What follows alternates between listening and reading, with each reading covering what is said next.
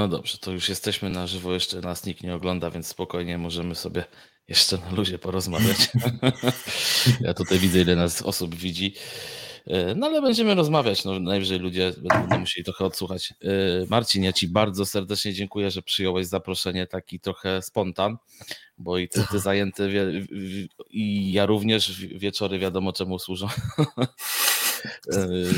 Ja to, wiesz co, chyba powiem to, co rozmawialiśmy w kuluarach, że ja się bardzo mile zaskoczyłem, że chyba jesteś jedynym lekarzem rehabilitacji, który ma konto na Instagramie.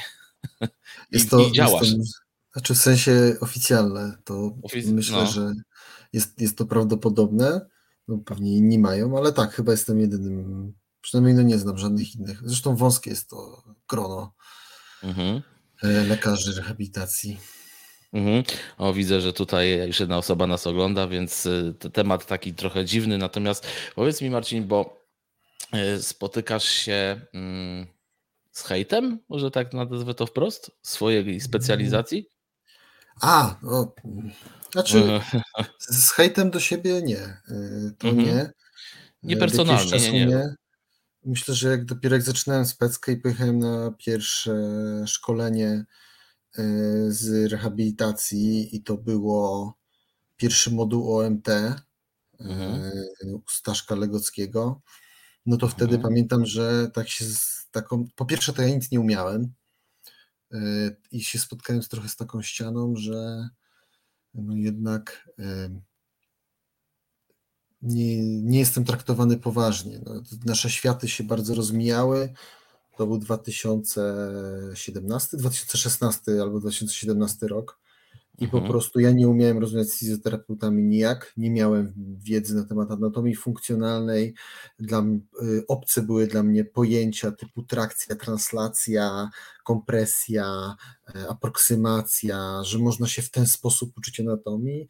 I dla mnie było wtedy mhm. bardzo dużo wiedzy i widać, że byłem do tyłu w stosunku do fizjoterapeutów. Wszyscy tacy, przecież to było na studiach. Tam, e, tam. I wy to tylko fizyko, a, a, a ten i no tak, tak. dalej. No i tak, no i do dziś tak jest, gdzieś tam się pojawia, że czemu zapisujecie pole i tam krio i co innego trzeba i tam takie tam. No i ja, ja zawsze wtedy mogę odpowiedzieć, że wszystkim bym z chęcią zapisywał indywidualne terapie, ale nie każdy chce je wykonywać porządnie. A po pierwsze, a po drugie, jak zapiszę pilne, to będzie to jesień przyszłego roku, więc no. Mhm. no tak. więc, a tutaj no, skolioza rozpoznana de novo, to powinien pierwsze mhm. spotkanie powinno być za godzinę. nie za godzinę, no. ale. Dokładnie.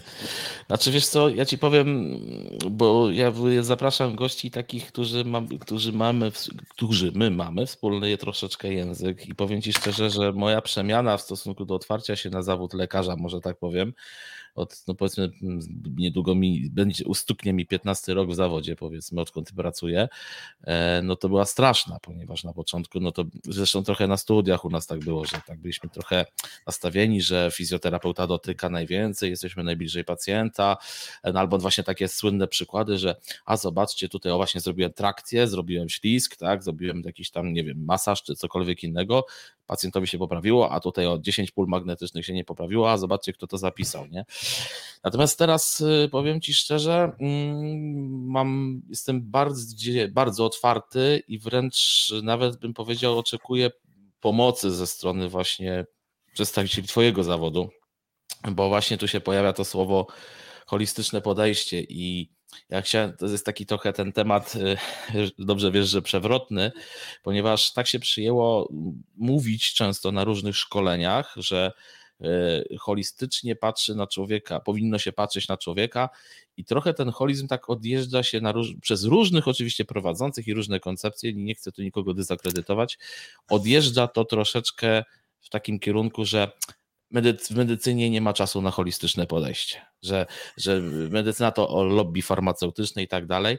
Natomiast y, trochę się dziwię, bo o ile mm, często młodzi terapeuci, tak, widzę to po szkoleniach, które prowadzę, y, holistyczne podejście rozumieją jako y, wpływ czynników zewnętrznych, wpływ natury na organizm człowieka, oczywiście, że tak jest, wpływ emocji i tak dalej. Im się to trochę łatwiej łączy ale już właśnie połączyć y, procesy biochemiczne w ciele, no i że ta faktycznie w cudzysłowie wątroba może być z tym barkiem połączona, ale na zasadzie nie, że ciągnie zawiązadło wieńcowe, tylko właśnie trochę inaczej. Tego już mam wrażenie, że na wielu szkoleniach nie ma i mi osobiście tego też brakowało. No i teraz no, ci, co u mnie na przykład mam studentów na praktykach u siebie w gabinecie, wiedzą, co leży u mnie na stole, na, na biurku. Leży interna szteklika, nie? Bo dla mnie to jest właśnie holizm.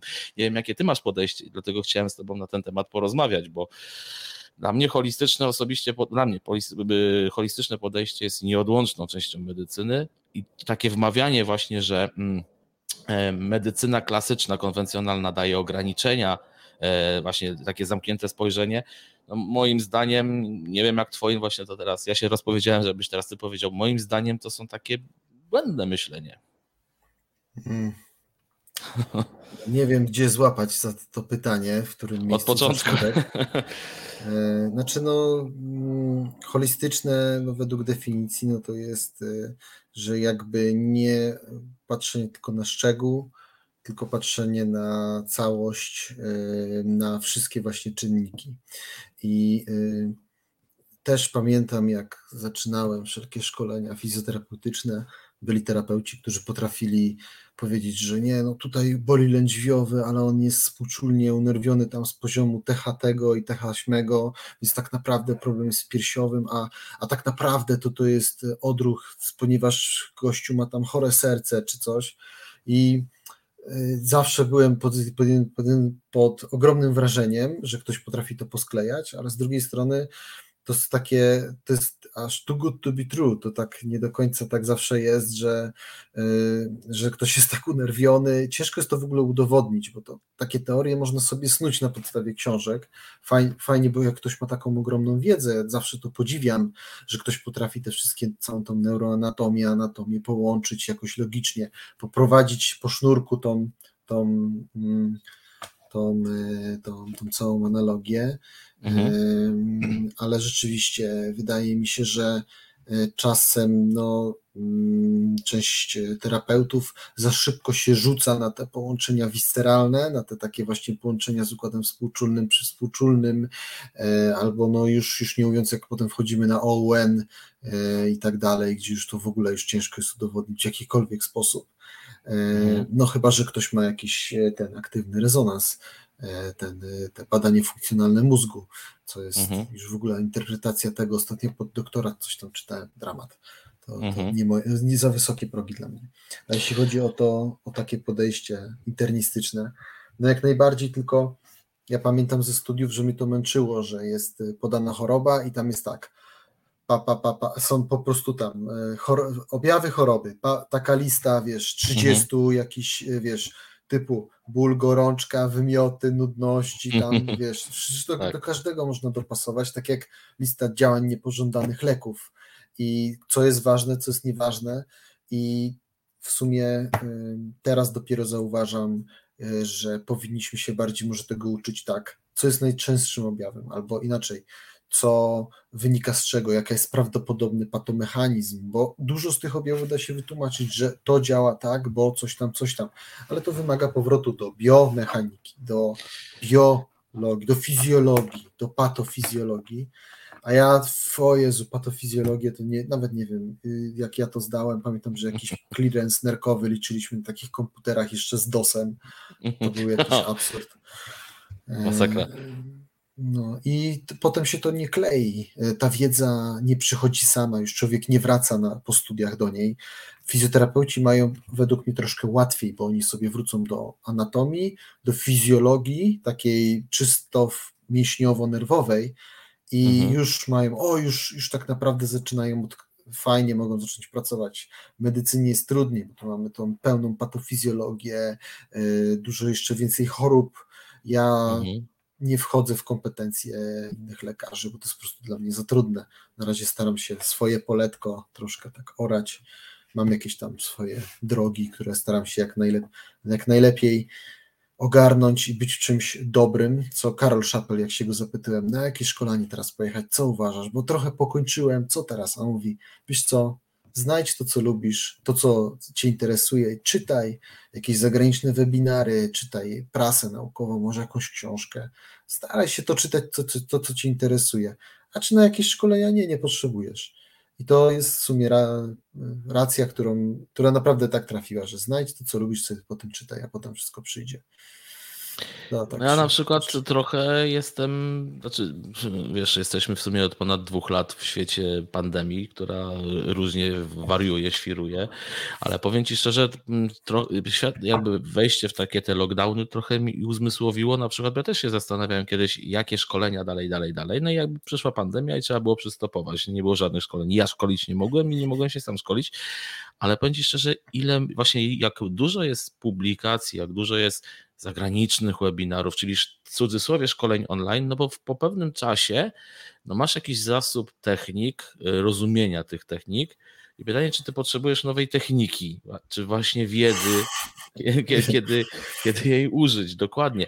Oczywiście młody terapeuta potrzebuje no, na początku nauczyć się w ogóle dotykać bo tego wbrew pozorom e, na studiach y, no, miało być tak, że miało być lepiej, natomiast przychodzą do mnie studenci e, ostatniego roku, który teraz miał zdawać e, państwowy egzamin fizjoterapeutyczny, no ale PEF-u nie ma finalnie.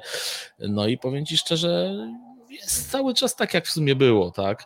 Ale to jest jakby problem po stronie edukacji, tak? To jest problem po stronie edukacji, gdzie y, mimo tego, że no dobra, są praktyki jakieś, tak? No jedne są lepsze, drugie są gorsze, ale te, tej palpacji i obycia się z ciałem chorego człowieka, no jakby to trochę brakuje, nie? I później nagle mierzysz się, dostajesz prawo wykonywania zawodu i tu za przeproszeniem, jep, tak? No i jak, jak mam to ogarnąć, tak? Jak mam tą gorące kolano, jak mam podnieść tą nogę do góry jeszcze zbadać, tak? Więc tu jest właśnie ten problem, nie? No i brakuje moim zdaniem, y, bo to, że was na wydziale lekarskim no, macie przesyt tak naprawdę mm, tej wiedzy, no bo to jest nie sposób to wszystko pojąć na pewno, ty wiesz na ten temat dużo lepiej niż ja, ale właśnie nie. jakby, albo przeżyłeś to, o to mi chodzi z praktycznego punktu widzenia, tak, że wiesz, że, że tego no, nie da się przyswoić w sposób taki, żeby żonglować tym. No, na pewno są wybitne jednostki. Natomiast e, e, mi osobiście brakowało i nadal brakuje choćby wiedzy z farmakologii. Tak, więc e, rozumienia oddziaływania leków na choćby aparat ruchu, no to to jest coś, gdzie na przykład ja coraz częściej z moim kolegą ortopedą również rozmawiam i on mnie uczy, tak, że jak połączyć pewne reakcje pacjenta, właśnie to, co mówisz, masz internet, masz 30 y, y, objawów, ale ja od jakiegoś czasu y, uczę się trochę inaczej, czyli mam objaw i otwieram sobie inną książkę, jakby jaka reakcja fizjologiczna w organizmie wywołuje mi ten objaw, no choćby gorączka, tak? Jakby czytanie i od razu odnoszę, uczenie się, dlaczego jest tak i co ja mogę tutaj zrobić i czy mogę w ogóle zrobić, no to jakby poszerza pole działania, tak? No i to jest też, i wiesz, oczywiście wszędzie się pojawi psychosomatyka i tak, czy tam somatopsychika, tylko ja na przykład od jakiegoś czasu nie prowadzę pacjenta, jeżeli mam na przykład z jakąś nerwicą wegetatywną, depresją, gdzie cierpi między innymi z tego powodu na, nie wiem, przewlekłe bóle choćby głowy. Powiem Ci szczerze, od jakiegoś czasu jak przyjmuję takiego pacjenta, to mówię wprost, będę prowadził, ale tylko i wyłącznie za zgodą lekarza prowadzącego, bo nie znam tych reakcji, mówiąc prosto. Tak, tak samo e, ja się dowiedziałem od psychiatry, że jeżeli na przykład no, pacjent jest na lekach typu Xanax, tak, no to bez sensu jest z nim prowadzić choćby trening ruchowy typu metody Feldenkraisa, bo ten lek po prostu ma za zadanie wy, tak cię wyciszyć, że nie możesz robić treningu skupienia uwagi, bo mówiąc prosto, pacjent się będzie jeszcze bardziej irytował. I to są właśnie takie rzeczy, które od lekarza naprawdę my fizjoterapeuci możemy dużo, dużo, dużo uzyskać, także tutaj no ukłon w waszą stronę. Myślisz, wiesz, tak tutaj sobie zapisuję, co mówisz, żeby to potem tak, wiesz, y, no. odzierać z tej cebuli kłamstwa po kolei warstwami. Więc y, pierwsza rzecz, myślę, że wielu studentów i lekarzy się zgodzi, że mm, system edukacji lekarzy też jest y, trudny, też jest Głównie też myślę, że dużo fizjoterapeutów potwierdzi tą samą wersję, że często na zajęciach z lekarzami było tak, że tam lekarz, dobra, tam studenci, to zbadajcie pacjenta, bo ja teraz muszę zrobić operację albo przyjąć pacjenta albo coś, bo to zwykle są większość lekarzy to są praktycy, którzy też mhm. w tych klinikach muszą obrobić kupę roboty i po prostu nie mają do końca czasu na tych, na tych biednych studentów, a jak mają, no to często to jest kosztem rodziny, czasu własnego lub niższej pensji, mhm. Mm, więc no tak to często wygląda w naszym, w naszym, bo nikt dobrze nie zapłaci pracownikowi naukowemu, ani a dydaktykowi to już w ogóle. Mm, druga rzecz, mm, a wiesz, tutaj cały czas ukłony, ja tego nie lubię, bo sam byłem słabym y, studentem i się do tego przyznaję z całą y, z całym dobrodziejstwem i złodziej, bo ja, ja nie miałem wielkich oczekiwań po studiach, poszedłem na rehabilitację, y, bo lubiłem ruch i, mhm i, i nadal lubię, lubię i szczerze mówiąc, to nie żałuję, że wybrałem tę specjalizację. Nie wiedziałem, że jest taka ogromna. Nie spodziewałem się, że to myślałem, że to będzie a taka fajna specka bez dyżurów tam. Będę mógł sobie na longboardzie jeździć. tak. e, kiedy chcę, a tu się okazało, że jest bardzo dużo, jest bardzo szeroka i rzeczywiście taki y, true lekarz rehabilitacji, który ma dużą wiedzę ze wszystkich działek, w sensie gdzieś ze wszystkiego lizną potrafi się dogadać z różnymi specjalistami, to jest myślę, że taki, taki diamencik, który potrafi pogadać z ortopedą, i z neurochirurgiem, i z fizjoterapeutą, i e, z podologiem, ze wszystkimi. Mhm. Tutaj dużo takich umiejętności miękkich, wymiany zdań, bystrości, bystrości umysłu. Myślę, że to się mocno liczy. I mm, kolejna rzecz a propos farmakologii. Ja jestem mega cienki z farmakologii. Pamiętam, mhm. że na kolokwium z farmakologii y, pa, pani, y, pani tutaj docent y, zapytała się tak już, kim, ona w ogóle była ciężka, ale pyta się, kim pan chce być? Ja mówię, ortopedą. Dobra, idź pan już być tym ortopedą. I, to, i, I, tyle. Więc, e, więc, e, więc jakby. Hmm. Więc też się dokształcam z tego. Na razie się zupełnie innymi tematami zajmuję, więc może kiedyś w przyszłości rzeczywiście siądę, bo jak teraz już mam dużo pracy, dużo wiedzy takiej już klinicznej, co dużo bardziej pozwoli, pozwoliło mi być lepszym specjalistą to mhm. rzeczywiście zaczynam łatwiej łapać pewne niuanse, jak o czymś czytam, o jakimś badaniu. Wracam do webinarów Adama Michońskiego i słucham o neuropatiach i już tak co przesłuchanie, to coś nowa informacja wpada, że to trwa tyle. Wcześniej w ogóle na jakieś czasy leczenia w ogóle nie, nie dbałem o to. Teraz to jest klucz podstawy mojej pracy, muszę to przekazać pacjentowi, bo pacjent aktualnie nie oczekuje ode mnie szybkiej, w poradni nie oczekuje ode mnie szybkiej szybkiego leczenia, tylko oczekuję, przynajmniej tak mi się wydaje, bo to mu dostarczam, ale oczekuję mhm. mniej więcej określenia ram, ile to będzie trwało i jak to y, rapował Ostry, y, że chcę być w tym miejscu jak najbliżej prawdy. Daj Bóg, żebym był w tym miejscu jak najbliżej prawdy.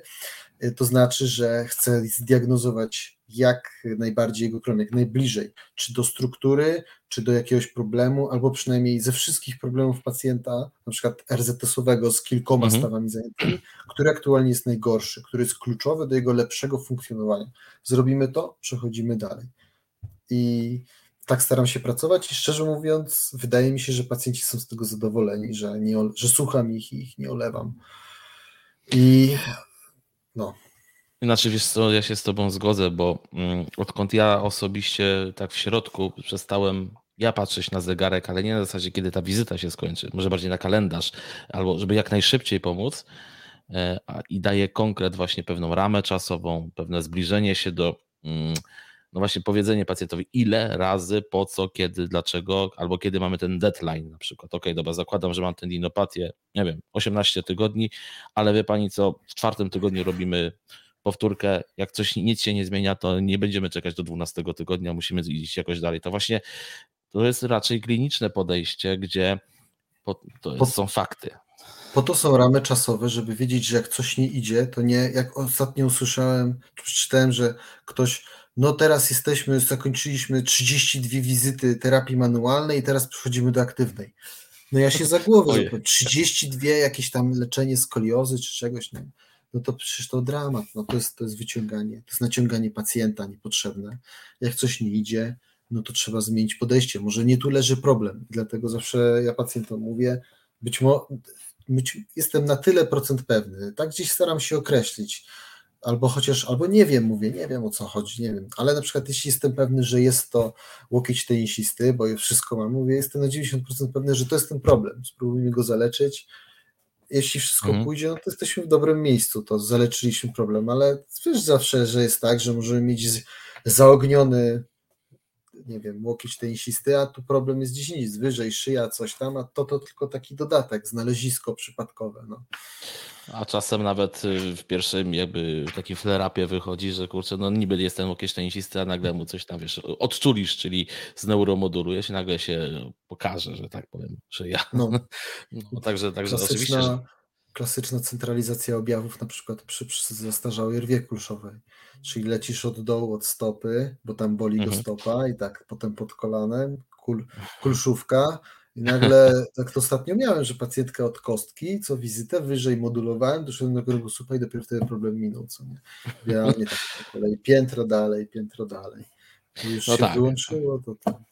No tak. Natomiast y, właśnie ja na przykład mm, nie wiem, czy jest ci bliskie takie spojrzenie z takiej metody manualnej Maitlanda. Ja Maitlanda nie kończyłem, ale jakby dużo jakby publikacji czytałem i jakby odruchowo jakby to jest dla mnie najbliższe prawdy, ponieważ na pierwszej wizycie, o ile takie jest zalecenie, dobra, zdiagnozuj, y, robisz jakąś tam, nie wiem, introterapii, ale nie rób na zasadzie, wiesz, trochę rozetrę, trochę ucisnę, trochę rozciągnę, zrobię fizyko, y, no coś zadziała na przykład, nie? No bo nie wiesz generalnie jaki bodziec na co wpłynął, tak? Czyli jakby staram się moi pacjenci jakby to widzą, że nie zostawiam ich na, po, po rozmowie, po półtorej godziny proszę przyjść do mnie na następną wizytę, Czasem jest tak, że się właśnie coś zaogni, no to dla mnie to też jest dobra wiadomość, bo może trzeba zrobić dokładnie rzecz odwrotną, tak? No tak, tak, to też jest, to też jest brak y, reakcji na nic, to jest, nie, nie, to jest niefajne, bo w sumie nie wiemy,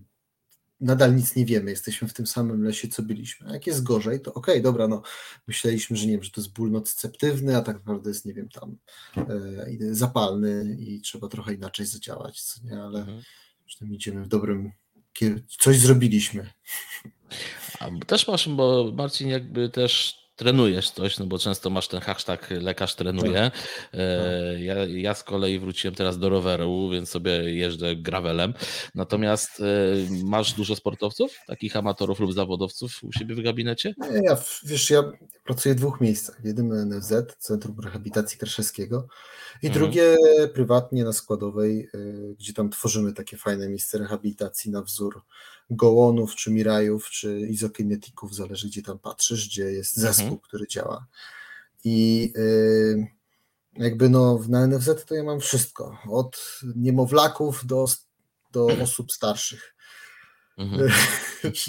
I jakby, a w prywatnie różnie, no, y, trochę konsultacji, większość, wcześniej jeszcze brałem jakichś pacjentów do, do roboty, ale mam, ponieważ nie prowadzę na stałe pacjentów e, od jakiegoś czasu, to, to staram się teraz to ograniczać. Lepszy jestem w konsultacjach, gdzieś w tej diagnostyce jak najbardziej precyzyjnej, wolę wtedy przekazać do zespołu i niech oni próbują, tak, to oni coś tam mhm. robią, rozmawiamy o tych pacjentach, e, głównie dlatego, że po prostu jestem też słaby z terapii, próbowałem tego i nie umiem to ramowo, czasowo zebrać, potem ja mam pedantyzm, że potem muszę jeszcze e, zrobić e, tą całą opis wizyty, nie mogę napisać wykonano terapię, kinezyterapię i fizykoterapię dostosowaną i copy play każdego pacjenta, no bo to jest bez sensu, tylko ja jednak prowadzę tą dokumentację i ona jest ważna.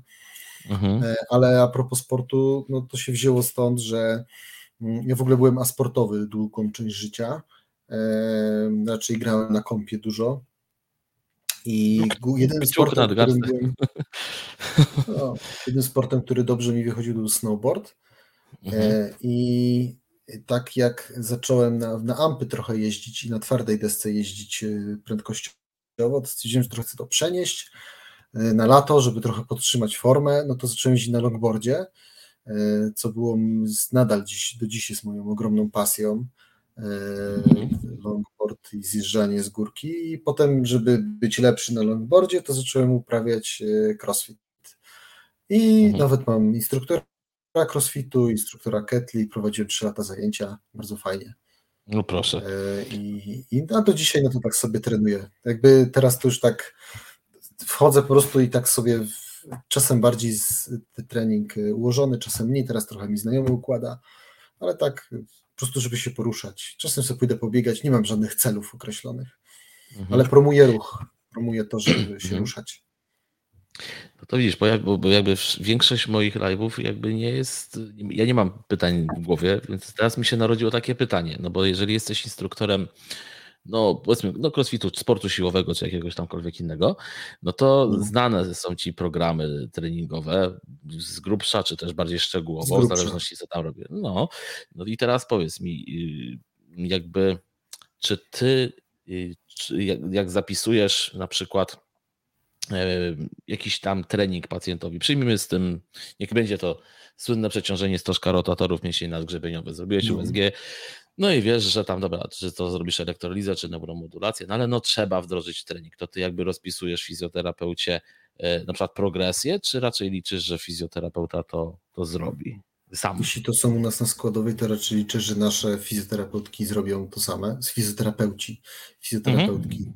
bo z nimi rozmawiam i tłumaczę, że mhm. no one mają różne inne wizje, ale no na przykład wiesz, jak mam czysty trening bez ciężaru, typu zwiększanie zakresu ruchomości, jakieś tam tak zwane ćwiczenia czynne lub czynnobierne lub wspomagane, zależy, to też jest racja. Tak.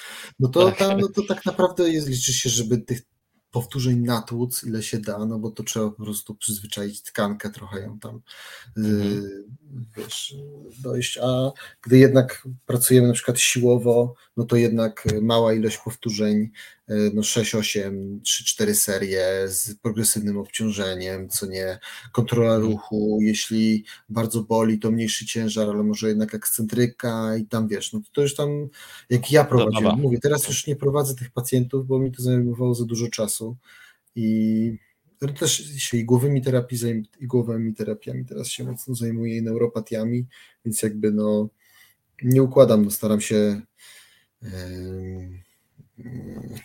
staram się po prostu z naszym zespołem, bo na NFZ czy ja napiszę, że trening wzmacniający, czy ktoś będzie z tym szedł, Wiesz, to co drugi dzień ktoś powinien mieć to tak naprawdę trzy razy w tygodniu, nie częściej i to tak mhm. obserwując jakie są objawy, bo jak ktoś zajeżdża E, pamiętam pierwszą pacjentkę na stożek po EPT i powiedziałem, żeby trzy razy dziennie robiła, no to teraz to z tego się śmieje. No to, było, to nie było tak dawno temu, jaki był no. ten stożek. Ale ona się wyleczyła jakoś, co nie? Ale no to mhm. jest tak, że wiesz, robiło się tak, nie, no to już trzeba teraz atakować, trzeba obciążać, obciążać, no ale to było przeciążenie znowu, tak, wchodzenie tak. w tą spiralę złego działania. No ale no wiesz, no jakieś proste ćwiczenia w gabinecie, nawet mówię, mam po 25-30 pacjentów na NFZ y, na dzień, mhm. co jest, jedni powiedzą, że mało, inni powiedzą, że dużo, no nie wiem, no jest optymalnie, powiem tak. I zawsze wrzucę jakieś ćwiczenie proste, wiesz, jakąś, jak neuromobilizację, jakąś prostą wrzucę to łapanie ptaszka. Tak, tak. E, nawet każe się nagrywać tym pacjentom, bo on nie zapamięta jak zbadam zakres ruchomości w szyi, tam nie ma w ogóle zgięcia bocznego, nawet jak przychodzi pacjent z rezonansem, widzę, że tam jakiejś tragedii wielkiej nie ma, oprócz jakichś tam osteofitów, mówię, proszę pani, proszę tutaj ucho do barku, codziennie 50-60 powtórzeń, to są cztery serie po 15, 6 po 10, żeby to nie były trzy, tylko żeby było trochę więcej, co nie? Tak, tak. ci, ludzie to robią, te proste ćwiczenia, proste ćwiczenia, to nie są, to nie są, ja nie robię, wiesz, długopis albo tam niestabilny odcinek szyjny i tam teraz tam dociskaj tam, albo pamiętam takie e, jakieś ćwiczenie, że język do podniebienia i tam oczy do góry, żeby tam się wyłączyły, tam, żeby lokalne stabilizatory, tak, tak. tam dajmy spokój, ja mam 15 minut, że muszę zbadać i opisać pacjenta. Ma zmniejszony mhm. zakres? Proste ćwiczenie na zwiększenie zakresu i mówię, może strzelać, może coś zaboleć, może coś tam przeskoczyć, e, spokojnie, tam się nic nie dzieje, od takich ćwiczeń tam się nic nie stanie. Żeby ukręcić głowę trzeba więcej siły, tu się nic nie stanie, niech pani sobie sama i daje to narzędzie, daje narzędzie w postaci darmowej i prostej, które ktoś powtórzy i ciężko jest to zepsuć, ciężko jest to zepsuć to ćwiczenie.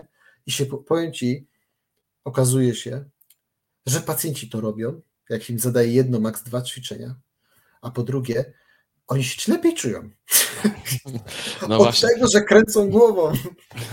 I to, jest, I to jest niesamowite. Skomplikowaliśmy to sobie na własne życzenie. Tak, tak, znaczy ja trochę, to, ja to powiedziałem kiedyś, tak, ja powiedziałem kiedyś na jakiejś tam konferencji, bo miałem przyjemność występować, że, że najgorszym problemem było to, że w, znaczy no ja w związku z, z tym, że do fizjoterapeutów mówiłem, że najgorszym problemem jest to, że dano nam narzędzie do leczenia dłonią w postaci terapii manualnej i my tak, żeśmy z tak, tego zrobili bóstwo. Tak. Myśmy z tego bóstwo zrobili. A to jest właśnie tak, że no. Znaczy, ja się przebudziłem, powiem ci szczerze, gdy po pół roku średnio wracali do mnie pacjenci ci sami, oczywiście z zadowoloną miną, że znowu mnie widzą, a ja zrozumiałem, że oni wracają do mnie z tym samym. I jakby, a ja im nie dawałem oczywiście ćwiczeń wtedy, no bo myślałem, że no właśnie wystarczy coś odblokować i tak dalej. Natomiast no. absolutnie się z Tobą zgadzam że proste ćwiczenia, oczywiście mówimy o przeciętnym Kowalskim, no bo jeżeli jest to sportowiec, to wymaga tam konkretnej progresji i tak dalej. Natomiast y, no to właśnie wie pan co, jak tak jak się ruszam, to, to, to mnie mniej boli. I pamiętam, że chyba z dwa tygodnie temu mówię do pacjentki, mówię, ale to jest jakiś teraz problem, czy nie? Ale to ja się tak będę musiała ruszać? A ja, a ja mówię, że y, no, no wie tak. pani, no raczej tak, nie? Ale y, powiem ci szczerze, że przyszedł do mnie pacjent, który mówi, że on jak więcej chodzi, to go bolą kolana i nogi. A ja mówię, no dobrze, ale to więcej to ile? A no wie pan, bo ja mam krokomierz. Ja mówię, no to jak ma pan krokomierz, to mi pan powie, przy ilu krokach pana boli. No po tysiącu krokach. To tak wiesz, liczysz, mówisz, kurczę, to dosyć szybko. Ale to jest więcej? Tak? A ty, tak, bo ja tak średnio to tak 300 do 500. I zrozumiałem, że gość siedzi. I teraz wiesz, no, dla niego no. każda próba no. przejścia dalej to jest już no. wchodzenie, wiesz, w, w, maksymalne y, obciążenie, nie? I to jest, i powiem ci szczerze, u niego to idzie strasznie, nie? No bo, no bo musi... musisz, musisz wyjść z poziomu, który według ciebie był nie, jakby nie, że to jest, był zarezerwowany dla osób umierających, ciężko chorych, dla osób, które są ciężko niepełnosprawne. 500 mhm. kroków, to ja w, w, domu rano robię, jak y, przejdę do kibla chyba, to jest tyle, no naprawdę, to nie wiem, co to w ogóle jest, no ale widzisz, ale to nigdy nie można pacjentowi powiedzieć, że to jest źle, nie, tylko zachęci, ale nie, to dobrze, widzi pan, no może trochę boleć, ale super, bardzo do... zachęci. Jak ty powiesz, że nie, no, pan to jest, o Jezus, to już. I co ludzie robią? Startu, pani wyszła, 15 tysięcy robicie to, to on tego nie będzie chciał robić. No, nie, nie, nie ma takiej opcji. To trzeba z empatią. Zawsze trzeba z empatią do człowieka. Nieważne kim jest, co zrobił. Jak będziemy nie mieli, to nieważne. To najlepszy, najlepszy lekarz, jak będzie gburem, to go hmm. nie posłucha. Ja to w mojej praktyce świetnie sprawdzę, bo jestem raczej miły człowiek i kontaktowy. I ja mam, i pacjenci lubią. I chyba tak, taką mam, e, tak się często spotykam z tą opinią, co mnie bardzo cieszy, bo ja nie robię nic więcej oprócz tego, że po prostu pacjenta dotknę, zwykle zbadam, yy, znaczy zawsze zbadam, ale że po prostu dotknę i ja z nim pogadam jak człowiek z człowiekiem. I tyle. Nic więcej. No ale to jest to, to, to, ludzkie, holistyczne i chyba empatyczne przede wszystkim podejście, gdzie jakby no, traktujesz człowieka podmiotowo a nie przedmiotowo. To jest no. chyba najważniejsze. Natomiast a propos, wracając trochę do tych planów treningowych, powiem Ci szczerze, że spotykam się z takim, znaczy ja sam tak miałem się od jakiegoś czasu tym dopiero zajmuję, że my mamy w fizjoterapeuci duży problem z tym, jak obciążyć narząd ruchu chory mamy duży problem, bo. Y, a lekarze myślisz, że nie mają? No dobrze, ale ja wiem, że macie, mamy wszyscy, tak? Tylko no de facto to od nas wymaga się tej terapii, poprowadzenia terapii, no i to chyba my powinniśmy, znaczy nie, na pewno my powinniśmy ustalić proces, nie wiem, tyle i tyle, tyle powtórzeń, a trochę mam takie wrażenie, że to się robi tak na czuja, bez żadnych jakichś tam, wiesz, przeliczeń. Ja nie jestem, wiesz, Excelowy, może tak, ale wiesz, no są pewne Fajnie, normy. Ktoś to w ogóle robi. To już no. dla mnie to już jest sukces. Wiesz, dla mnie to nie są aż takie sztywne normy, że tyle to jest tam moc, tyle to jest siła. Znaczy oczywiście mhm. są to sztywne, ale one nie są aż tak, że powyżej trzech to już tylko siła, no tak. a poniżej trzech to jest moc. tylko tak trochę to się rozkleja. E, no jakieś tam, wiadomo, powinno się zdać po prostu e, jakieś e, takie no paradygmaty, żeby ktoś nie klepał 20 powtórzeń, a chce zwiększyć siłę, no bo on tylko męczy to wydolnościowo, co nie? Mhm. Jakby widzieć, widzieć jak, jak to jest tak jak każde inne narzędzie, tak jak twoja ręka i robisz HVL-a, to jest narzędzie, tak samo narzędziem jest odpowiedni dobór ćwiczeń, odpowiedni dobór progresji, też jest narzędzie, tylko trzeba je umieć wykorzystać. Jak przeciążysz pacjenta, to niestety on nie wróci do ciebie. Jak mu pogorszysz i mu nie powiesz o tym, że może się pogorszyć, to, to on do ciebie nie wróci, bo uzna, że popełniłeś błąd. Nie? A mhm. często się pacjentowi pogarsza, gdy go, do, gdy, gdy go dociążasz. Tak, tylko że właśnie trzeba właśnie jego chyba trochę też uspokoić, że spokojnie, dobrze, zobaczymy. Mhm. Poza tym Wiesz, jak pacjent, miałem teraz też ostatnio pacjent, no naćpany tramadolem wszystkim, nie? Przyszedł na terapię, bo, bo teraz go nie boli, bo mógł przyjść. No i weź go jeszcze teraz zbadaj, tak?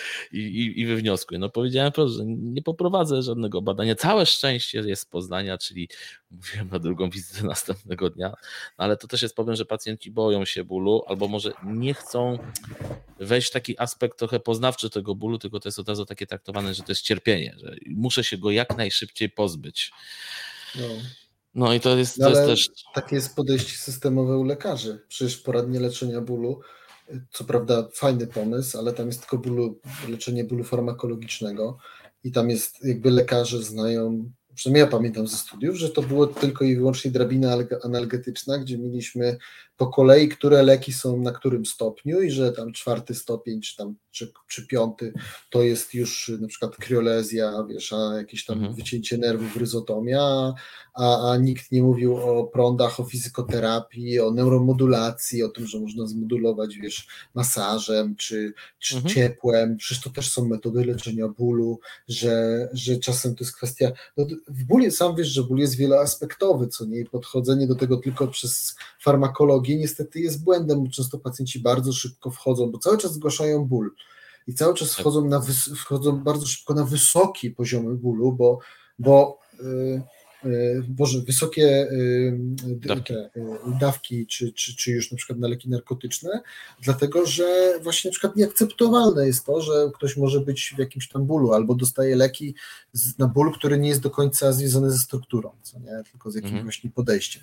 Ja pamiętam, jak w klinice pracowałem, to było tak, że podejściem e, do leczenia bólu było to, znaczy no, żeby przyjazd, szpital był przyjazny w leczeniu bólu, czy jakiś inny szajs, no tak to, ISO, ISO, coś tam jakieś tak. Coś tam ISO, SRISO, no to było to, że jak przychodził pacjent, to ja wypełniałem dwustronicową kartę na temat bólu i tam musiałem określić, czy to jest ból trzewny, nocyceptywny, e, tam kostny, w ogóle nawet do dziś nie wiem, jak to się wypełnia, o, jaki to ma wpływ na stan duchowy, na stan jakiś tam, jakie leki bierze, o ile to zmniejsza ból, o ile procent.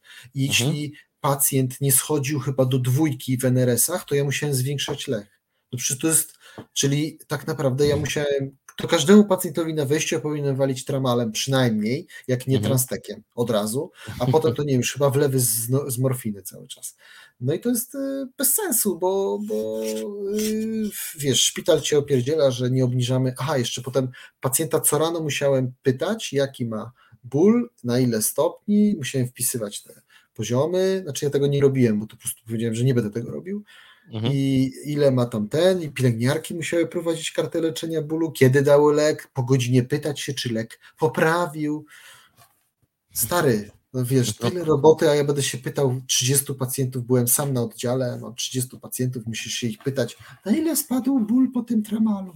No no tak, o jeden. No, na przykład, nie? I czy to jest w ogóle, znaczy wiesz, trzeba też zrozumieć, jakby, bo to nie można też uogólniać na przykład. Ja mam duży problem w znalezieniu lekarza, który mi pomoże, ale to u siebie, jakby tutaj na podwórku tym poznańskim, e, bo mam bardzo dużo pacjentów e, z polineuropatią cukrzycową, bo ten ból u tych pacjentów jest po prostu nie do zniesienia, nie?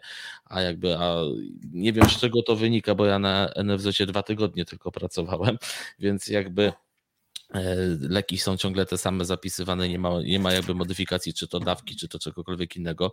No i wiesz, i, i przychodzi pacjent no, z nadzieją, że, e, że coś zdziałamy, tak? No i tutaj właśnie jest bo oczywiście pole do popisu i dla fizykoterapii i tak dalej, no ale właśnie to chyba trzeba też mówić w zespole interdyscyplinarnym, czyli tak, dobra, do fizjoterapeuci, co wy możecie? No dobra, możemy to, spróbujcie, nie? Co działało, nie działo, robimy tak, nie? Tak powinno być. No, no tak powinno być, no tak mówię, tak staramy się na składowej działać, co mnie bardzo cieszy. bo, bo gdzieś ja jestem tym łącznikiem, ale też fizjoterapeuci sami się sami rozmawiają, idą do anestezjologa, że potrzebują blokady, bo trzeba zrobić redresję, bo mhm. na przykład jakiś wzrost jest, który nie chce pójść, że po prostu zrobić, e, zniczulić, żeby zrobić chrup i pójdzie i dziękuję, bo jest na to etap. Jest na to, jest na to moment pooperacyjny, żeby właśnie potem się nie bawić w artrofibrozę, co nie? A mhm. i tak powinno, i bardzo mnie cieszy, że fizjoterapeuci się nie boją, bo ja widzę, że widzę taką z jednej strony, że wielu fizjoterapeutów narzeka na lekarzy, że tam to, że śmo, ale potem jak przychodzi do konfrontacji, to wszyscy, ale nie, no tak, pan doktor i ten, to też są ludzie, lekarze też są ludźmi, też popełniają błędy, ja swoje błędy też e, przeżywam po nocach i, i też mam e, jakieś tam głupoty. Ostatnio w piątek była jedna, e, no, znaczy no nie jakaś wielka, ale, ale no jakby też było takie w ogóle nielogiczne, nielogiczną diagnozę postawiłem, no ale dopiero tak w domu i po rozmowie z Karolem Szapelem na to tak, nie? to chyba mhm. jednak nie to i tak trzeba było trochę zmienić podejście, więc na pewno tam będą się koledzy ze mnie śmiać, że jakieś tam głupoty. Do dziś mi, pamiętam jaki mi Adam Kwapisz wy, wy, powiedział, że głupio napisałem, że że mnie pisał, że jest łąkotka w stawie łokciowym, w promieniowo-ramiennym. Mhm, no USG pacjenta, pacjent miał e, taką podwichającą się pseudo-łąkotkę, no to jest taki okay. fałd błony, no to jest sudo-łąkotka dosłownie nazywane, czasem łąkotka stawu łokciowego i niektórzy no tak, tak to mówią, no to jest kwestia nazewnictwa, ale on się, on jako e, bardzo wysokiej klasy specjalista od barku i łokcia to mnie wyśmiał i powiedział, że tak nie robił, bo będę popularny nie tam, gdzie trzeba. No. I miał rację, no i miał rację. No. Ale no wiesz, no, nie robi błędów ten, kto nic nie robi, tak? No. Natomiast a propos teraz USG, bo jakby też wykonujesz USG czynnościowe narządu ruchu. Ja tutaj podkreślam czynnościowe, bo zrobić USG aparatu ruchu, a USG aparatu ruchu to są dwie różne czynności. Zadam Ci z ciekawości, bo ja w USG siedzę tak piąty, szósty rok. E, ile zajmuje Ci prze, tak przeciętnie, nie opisanie, tylko zrobienie, nie wiem, USG prostego stawu kolanowego? Tak w minutach. Dwie minuty, 15 czy jednak dłużej? 10? Z 10 minut tak sam, samo ten. Zależy, jak wiesz, jak ktoś przychodzi młody, y, na, nawodniony i jakąś mhm. taką, bo też zawsze w ogóle badam przed badaniem USG. Wiem, że część osób robi na odwrót, bada po, ale no ja sobie badam, żeby nawet gdzieś tam, która to najprawdopodobniej struktura mi tutaj nadaje, żeby ją mhm. dokładniej obejrzeć. E, ale wiesz, ostatnio przez to też, że mam dużo pacjentów NFZ-owych i tam sobie po prostu ściągnąłem USG i ono sobie stoi, to ja każdemu, kto tam uważam, że potrzebuje, no bo tam nie wiem, bólów kręgosłupa to nie oglądam pod USG, tak? No, szczególnie, że to USG jest raczej niskiej jakości. No ale za każdym razem podejrzę i parę takich fajnych rzeczy, wiesz, po prostu nawet takie szybkie, pach, przyglądam, dobra, to nie to, no to dalej, co nie? Mhm. E, no ma to swoje ograniczenia, ale ma też te swoje plusy, że po prostu mam takie trzecie oko. Przynajmniej jak ktoś jest leczony, wiesz, na nie wiem, na przykład była pacjentka, która miała, e, była już miała artroskopię kolana z powodu bólu kolana i w kolanie, wiesz, w rezonansie nic, ale postanowili zrobić artroskopię diagnostyczną, co wiemy, że raczej jeśli czegoś nie ma na rezonansie, to tak głupio tam wchodzić z kamerą, w sensie hmm, można no tak. poszukać, ale co, od, odchodzi się od tego, może jakieś tam mikro, mikro mhm.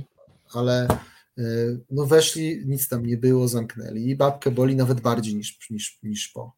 No mhm. i ja przyłożyłem głowicę, ciało Hoffy, całe w płomieniach, po prostu płonie ciało Hoffy.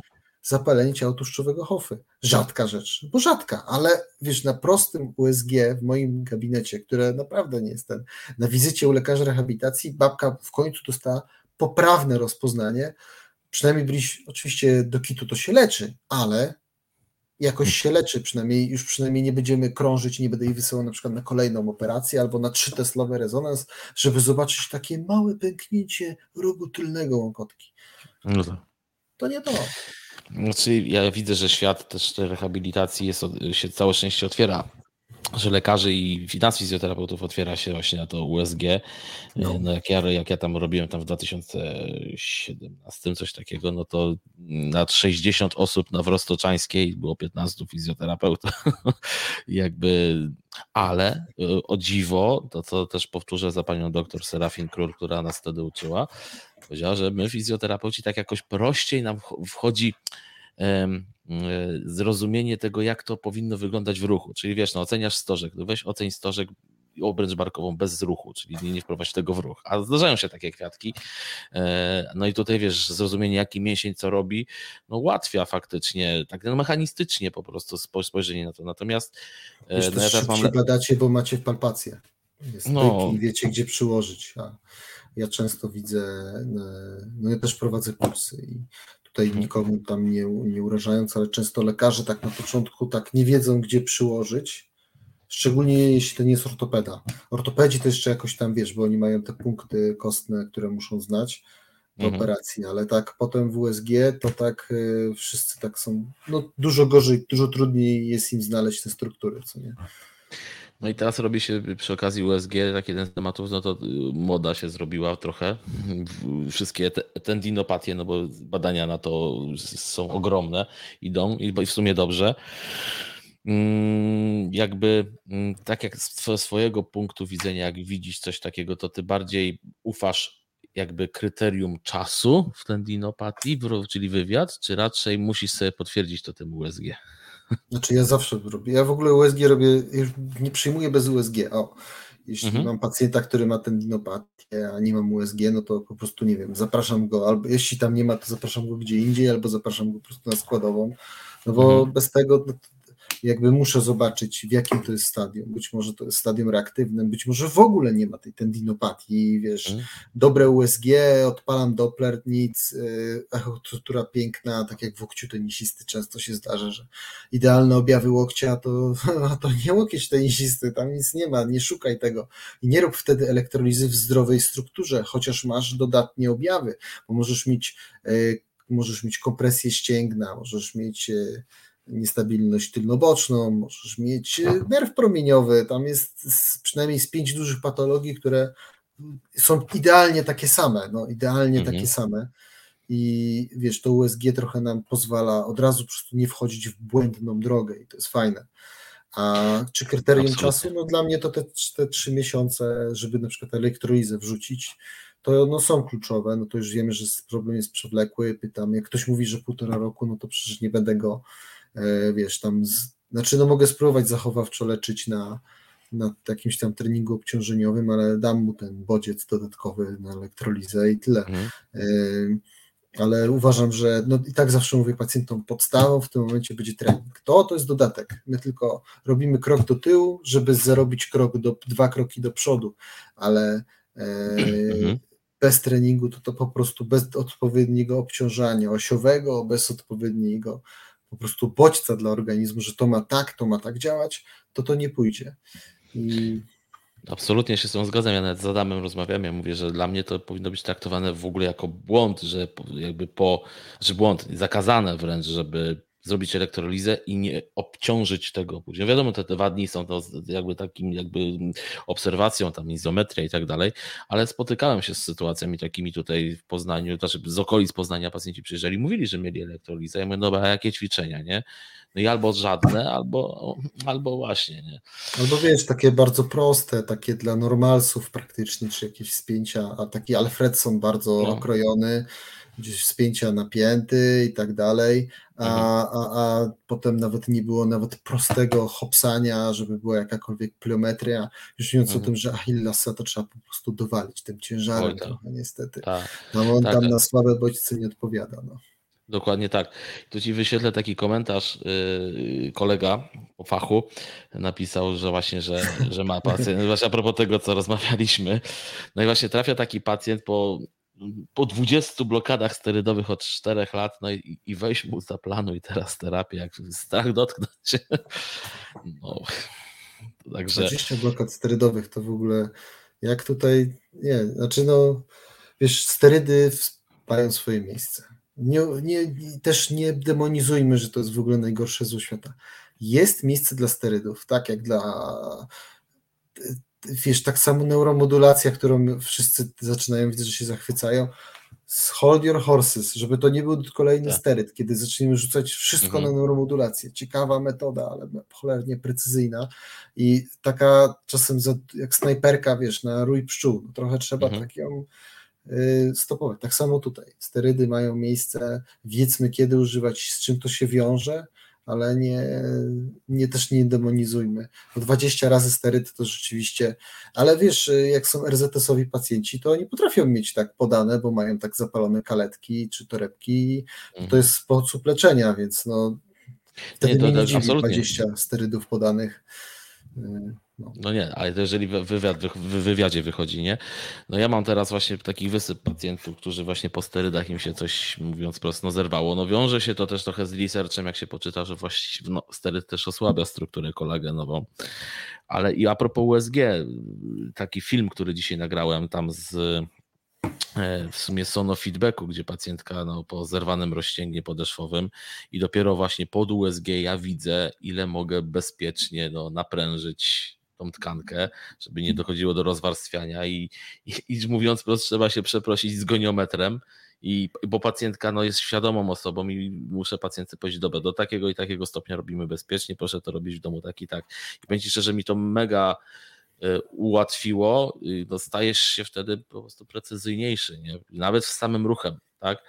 To, że już tam nie wspomnę o tym słynnym mięśniu poprzecznym brzucha, gdzie pacjent też pod głowicą, jak mu pokażesz, gdzie ten mięsień ma się ruszyć, to on zobaczy. No tak, tak, ale to jest tak. Ja w ogóle jak robiłem feedbackowo kiedyś mięśnie brzucha, no to ja tych ćwiczeń takich, wiesz, słownych, opisanych, to, to nikt po tego dobrze nie robił. A na USG, wiesz, nawet daję pacjentowi głowicę, mówię, dobra, idę się napić i proszę sobie napinać. I wiesz, on trzyma i gapi się w monitor. E, e.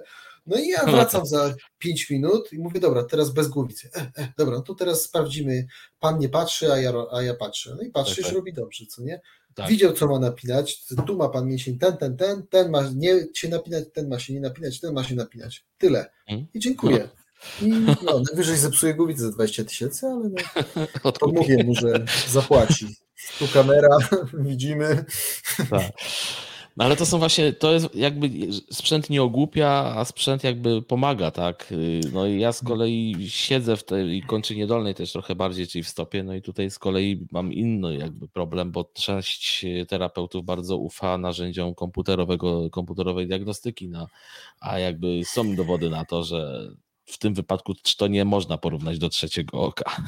Bo to, to, Właśnie to... Ja, mam, ja mam z tym duży problem, bo wiesz, badania mówią o tym, że na przykład stopę płaską, no mówiliśmy, że, tym poru, że to no tak. poruszymy to może ty mi wytłumaczysz, że badania mówią, że na przykład flexible flat fit to w ogóle w żadne wkładki, w żadne sztywne buty, bo to nic nie zmienia, że oczywiście jeśli jest to związane z bólem, dajmy buty, wkładki, żeby to odciążyć, ale mhm. jeśli to nie jest z niczym związane, no to to nie koryguje, nie zmienić ustawienia koślawego kolan, nie zmienić ustawienia koślawego stopy, no bo to byś musiał mieć chyba przyspawane do nóg, żeby, żeby to coś tak. zmieniło, wiesz, takie typowo naprężeniowe i dla, to jest dla mnie logiczne i Mhm. Rozumiem bardziej terapię aktywną, jakieś te wiesz, mosty z mrówek u dzieci, czy jakieś po prostu aktywację stopy krótkiej, e, mhm. jako no, dla mnie, to, ja się na tym nie znam, więc ty możesz tutaj mieć zupełnie inne, inne ten, ale no tak mówię rodzicom i wiesz, jak pracowałem 3 lata w poradni dziecięcej i ja nie widziałem żadnej różnicy, czy dziecko nosiło buty, czy nie nosiło butów, czy w ogóle biegało,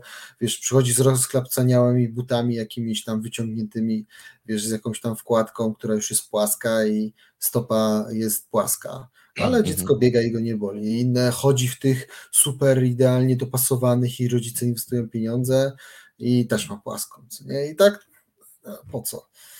Tak Marcin, ja ci ten... powiem dokładnie to samo, co powiedziałeś, ponieważ ja też badania czytam i, i jakby, ale podpieram się doświadczeniem i powiem ci szczerze, ja, ja, ja robię. Nie tego doświadczenia, więc. Tak, tak, ja, ja z punktu widzenia. To też jest miejsce dla wkładek, tylko powiedz mi, jakie tak. jest miejsce dla wkładek. Ja ci powiem szczerze wprost. Ja, y, nie, ja jakby zgadzam się z researchem. Jeżeli mamy tą stopę, o której powiedziałeś, jest niesymptomatyczna, to wkładka jest, y, tak powiem, za takim jeden z profesorów z Australii z Instytutu Podiatrii, który powiedział wprost, wkładka jest dla zaspokojenia ducha terapeuty i rodziców. A, że zrobili. Tak, że zro... tak, tak, że zrobili wszystko. Że było coś zrobione, tak. Tak, tak że nie tak. Przepa- że tego nie. Yy... Nie przepaścisz, że nie prześpisz tak. tego momentu. Tak, tak. tak. Kult cargo, kult cargo, no. Tak, natomiast wiesz, no, masz symptomatykę, albo może inaczej. Wkładka w tym wypadku jako mm, wspomaganie terapii, właśnie czasami sensorycznej nawet, czyli nawet nie tej ortopedycznej, no i owszem, tak ale to, to nie jest wycięte w kontekst, z kontekstu, a zrobię wkładkę za 500 zł na przykład i liczę, że coś się poprawi.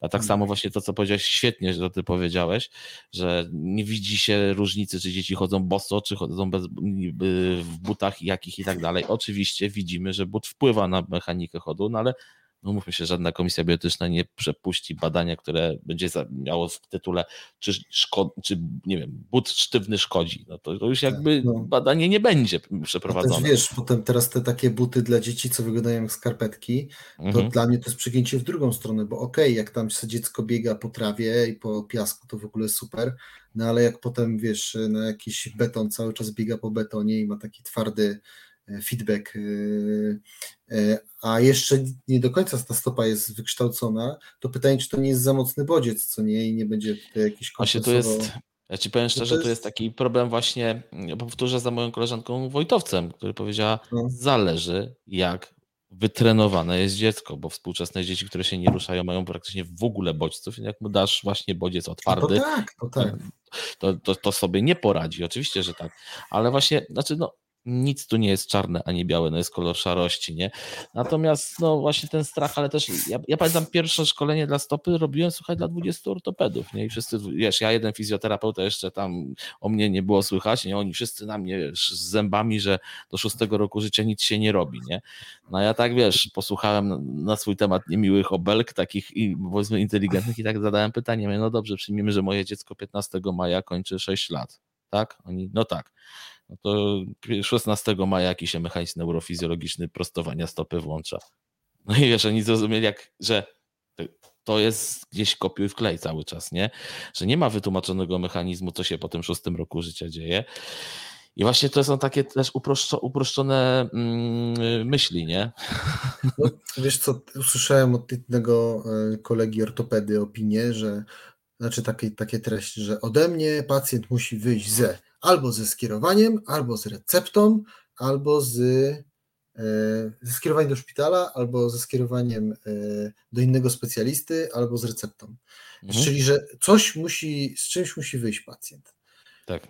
Ja nie lubię tego podejścia, bo to też, znaczy zwykle ode mnie pacjent z czymś wychodzi, co nie? Mhm. nie ale nie lubię nadawać sobie takiego tonu, bo czasem nie wiem, gdzie kogo wysłać. Ostatnio miałem taki dużą zagwozdkę, już tutaj nie będę E, szczegółów podawał, ale nie wiedziałem. Po prostu pani pytała, no ale gdzie teraz? To gdzie mnie teraz pan doktor pokieruje, jak nie pan nie wie? Mówię, nie wiem, proszę pani, bo nie wiem, co pani jest. Już była pani u tylu specjalistów z takimi badaniami, że nawet nie, nie mogę wymyśleć badania, które pani zalecić.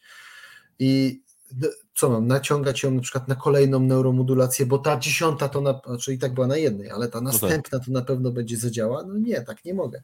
Czy czy coś tam innego wymyślić. No właśnie, nie wiedziałem do kogo, no tam się pokonsultowałem, może coś tam wymyślimy, ale nie mogłem jej ze szczerym sercem powiedzieć. I tak samo właśnie to podejście E, nie podoba mi się, że, że, że zawsze lekarz musi coś wymyśleć, tu coś musi dać.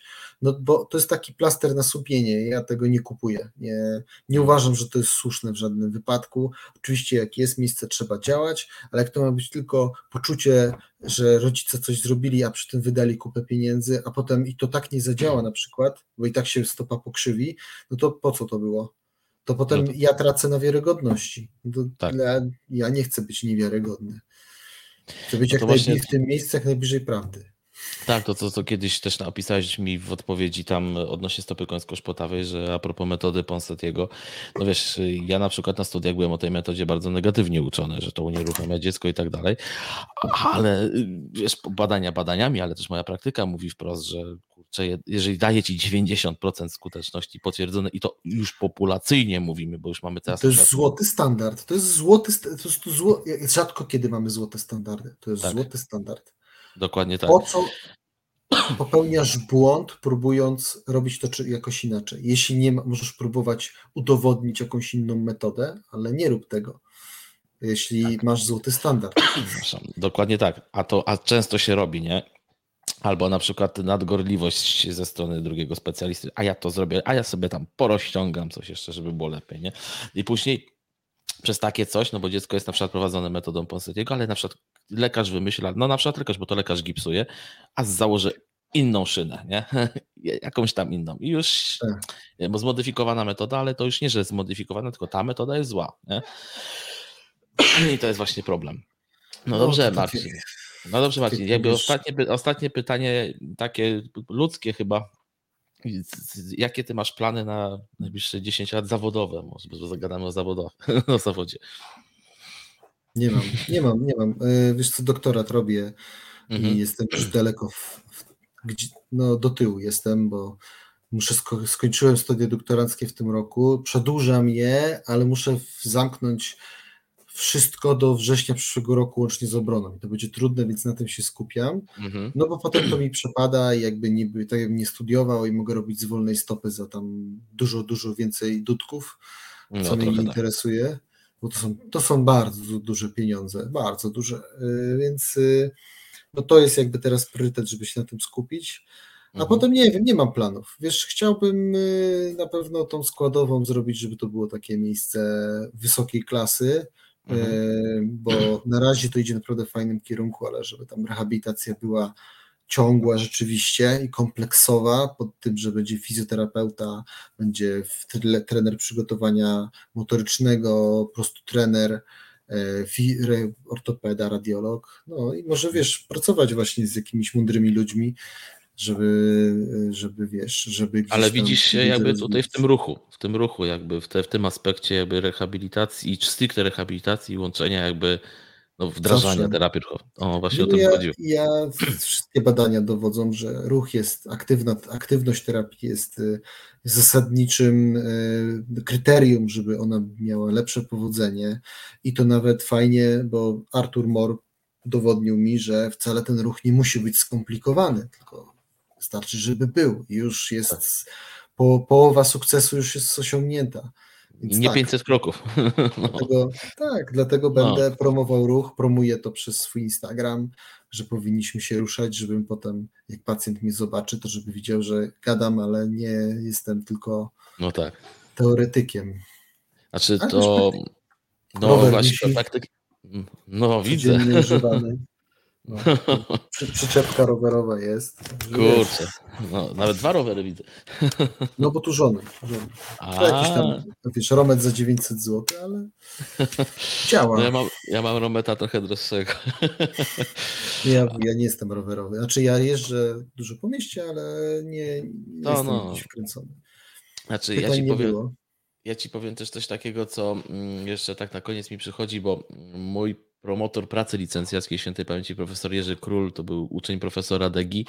E, przed tak. swoją śmiercią, pamiętam, w, pra, w na, na placu Wilsona, w parku Wilsona, przepraszam, powiedział mi coś takiego, to ja zawsze wszystkim studentom powtarzam i kursantom, że siedzieliśmy, kupiłem mu kawę, oparł się o swoją laskę i szła dziewczyna no, i miała taki ewidentny objaw Trendelenburga, nie? I on się pyta, co kolega widzi, a ja mówię, no panie profesorze, osłabienie mięśnia pośladkowego średniego. On się tak na mnie spojrzał i mówi, a dotknął kolega, że wie, a ja mówię, ale nie można tak iść um, na y, dobrze pracującym mięśniu. On mówi, jeszcze kolega dużo nie widział. I właśnie profesor Król, powiem Ci szczerze, robił coś odwrotnego niż nas się uczyło, bo ja pamiętam, że na studiach mówili nam, po sposobie, jak pacjent wchodzi, już masz mieć hipotezę tak. diagnostyczną, co mu jest. A on właśnie odwrotnie. Ty masz nazwać, co widzisz. Pacjent utyka na prawą nogę, tak? Ale dlaczego? No, właśnie to, to dopiero się dowiem, nie? Także to. Ale widzę, że, że mamy, że, że podobnie jakby też myślisz, także no, liczę na to, że się spotkamy cztery oczy i wszystko na to wskazuje, że tak. Chyba tak, chyba tak, chyba tak. Fajnie. Także Bardzo. mamy też wspólnych pacjentów, bo tak się zdarza czasem. Tak, tak. Także... Bardzo Ci dziękuję za tą rozmowę i za to zaproszenie.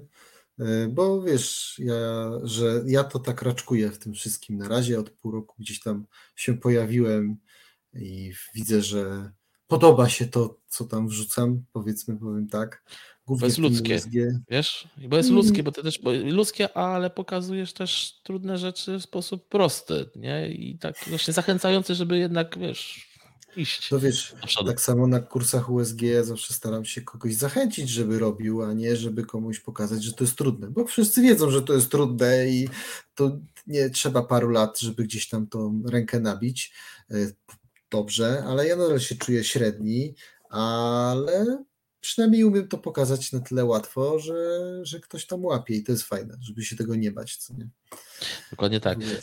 Bo może jeszcze kiedyś na jakiś konkretny temat tak weźmiemy, wiesz, medycznie coś rozłożymy na czynniki pierwsze, ale ja Ci bardzo serdecznie dziękuję. No i cóż, Również. samych sukcesów, żeby ten doktorat wyszedł. No, no. Uh, uh, jeszcze długa droga. jeszcze wiesz. No to będzie, to będzie. Ja sobie obiecałem, że nigdy żadnego do, do doktoratu, ale wchodzi za mną jeden temat. Zesz dwa tygodnie temu dostałem propozycję do, do zrobienia doktoratu z wolnej stopy i y, na razie jestem na nie. Ja ostatnio liczyłem, mi się 12 razy zmieniał te, tytuł pracy. U, no A jeszcze nie otworzyłem przewodu. Także wiesz, tamten tematów, to tam ja miałem zawsze bardzo dużo dobrych pomysłów, których nigdy nie realizowałem. Czasu brak, no i doba jest za krótka. Tak. Dobrze, ja Ci bardzo dziękuję. Miłej, przyjemnej nocki życzę. No i wszystkim dziękuję, którzy nas słuchali, więc ja Ci tam Mar- Marcin też udostępnię to, żebyś tam miał u siebie, żebyś tam wszystko Tak. też. Dzięki. Dobranoc. Dobranoc.